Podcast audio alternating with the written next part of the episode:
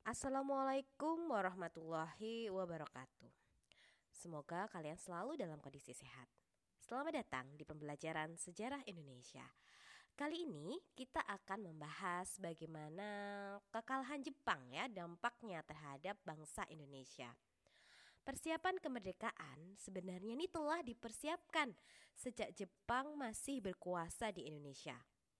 Meski hal tersebut hanyalah cara Jepang untuk memperoleh dukungan dari bangsa Indonesia, tetapi hal tersebut memudahkan para tokoh untuk mempersiapkan kemerdekaan.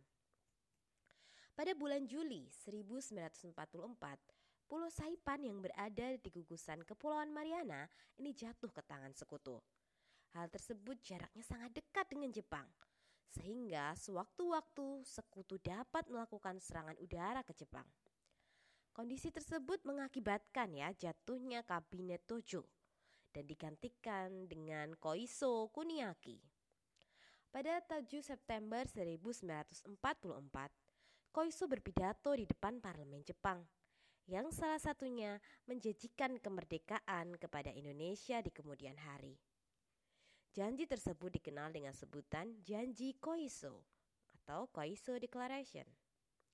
Janji tersebut dikeluarkan sebagai upaya untuk menarik bangsa Indonesia agar tetap membantu Jepang menghadapi sekutu. Akan tetapi, janji Jepang tersebut tidak memberi kepastian waktu pelaksanaan kemerdekaan. Upaya pergerakan kemerdekaan Indonesia kemudian mendapat simpati dari beberapa tentara Jepang. Misalnya Laksamana Muda Maeda Tadashi yang bertugas menangani kantor penghubung Angkatan Darat dan Angkatan Laut di Jakarta. Pada Januari 1945, Pulau Luzon, Filipina diserbu Amerika. Sehingga Manila ini jatuh ke tangan sekutu. Pada Maret 1945, Amerika berhasil merebut Iwo Jima dan menggunakan pulau tersebut sebagai pangkalan pesawat pengebom. Upaya Jepang mempertahankan Iwo Jima menyebabkan korban pasukan Jepang yang luar biasa, bahkan rakyat sipil. Nah, pada tahun 1944, Saipan yang dikuasai Jepang itu kan tadi jatuh ke tangan sekutu. Hal itu diikuti dengan jatuhnya Papua Nugini Kepulauan Solomon, Kepulauan Marshall. Nah, dengan demikian nih, seluruh garis pertahanan Jepang di Pasifik hancur dan bayang-bayang kekalahan Jepang mulai tampak.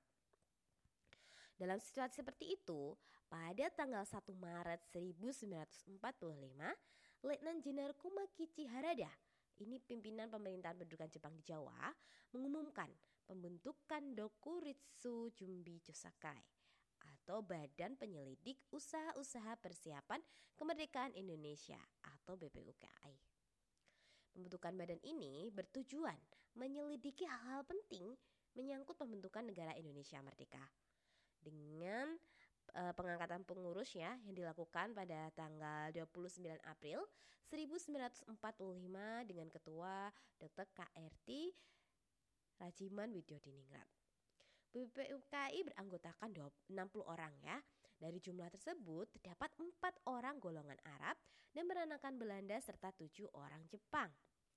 Nah pada tanggal 28 Mei 1945 dilangsungkan upacara peresmian BPUPKI di Gedung Chungo Chuo Sangiin, Jalan Pejambon, sekarang Gedung Departemen Luar Negeri, Jakarta. Pada kesempatan itu dikibarkan bendera Jepang Hinomaru yang disusul dengan pengibaran bendera merah putih.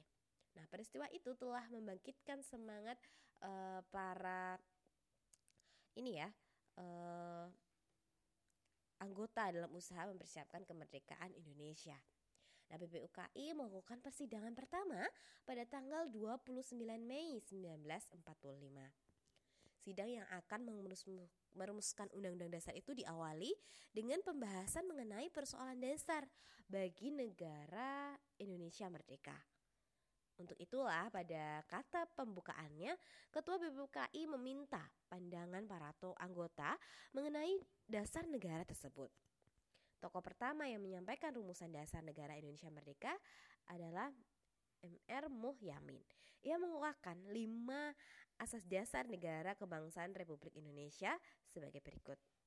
Yang pertama adalah peri kebangsaan, peri kemanusiaan, peri ketuhanan, peri kerakyatan, dan kesejahteraan rakyat. Nah, pada dua hari kemudian, 31 Mei 1945, Profesor Dr. Mr. Supomo ini juga mengajukan dasar negara Indonesia Merdeka. Keesokan harinya, 1 Juni 1945, Insinyur Soekarno ini mengukuhkan pidato yang kemudian dikenal sebagai lahirnya Pancasila.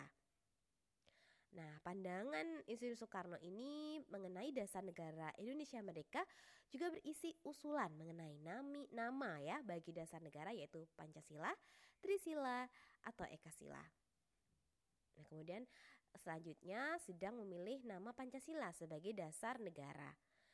Nah, itu tadi beberapa penjelasan ya mengenai dari dampak kekalahan Jepang bagi bangsa Indonesia hingga terbentuklah BPUPKI.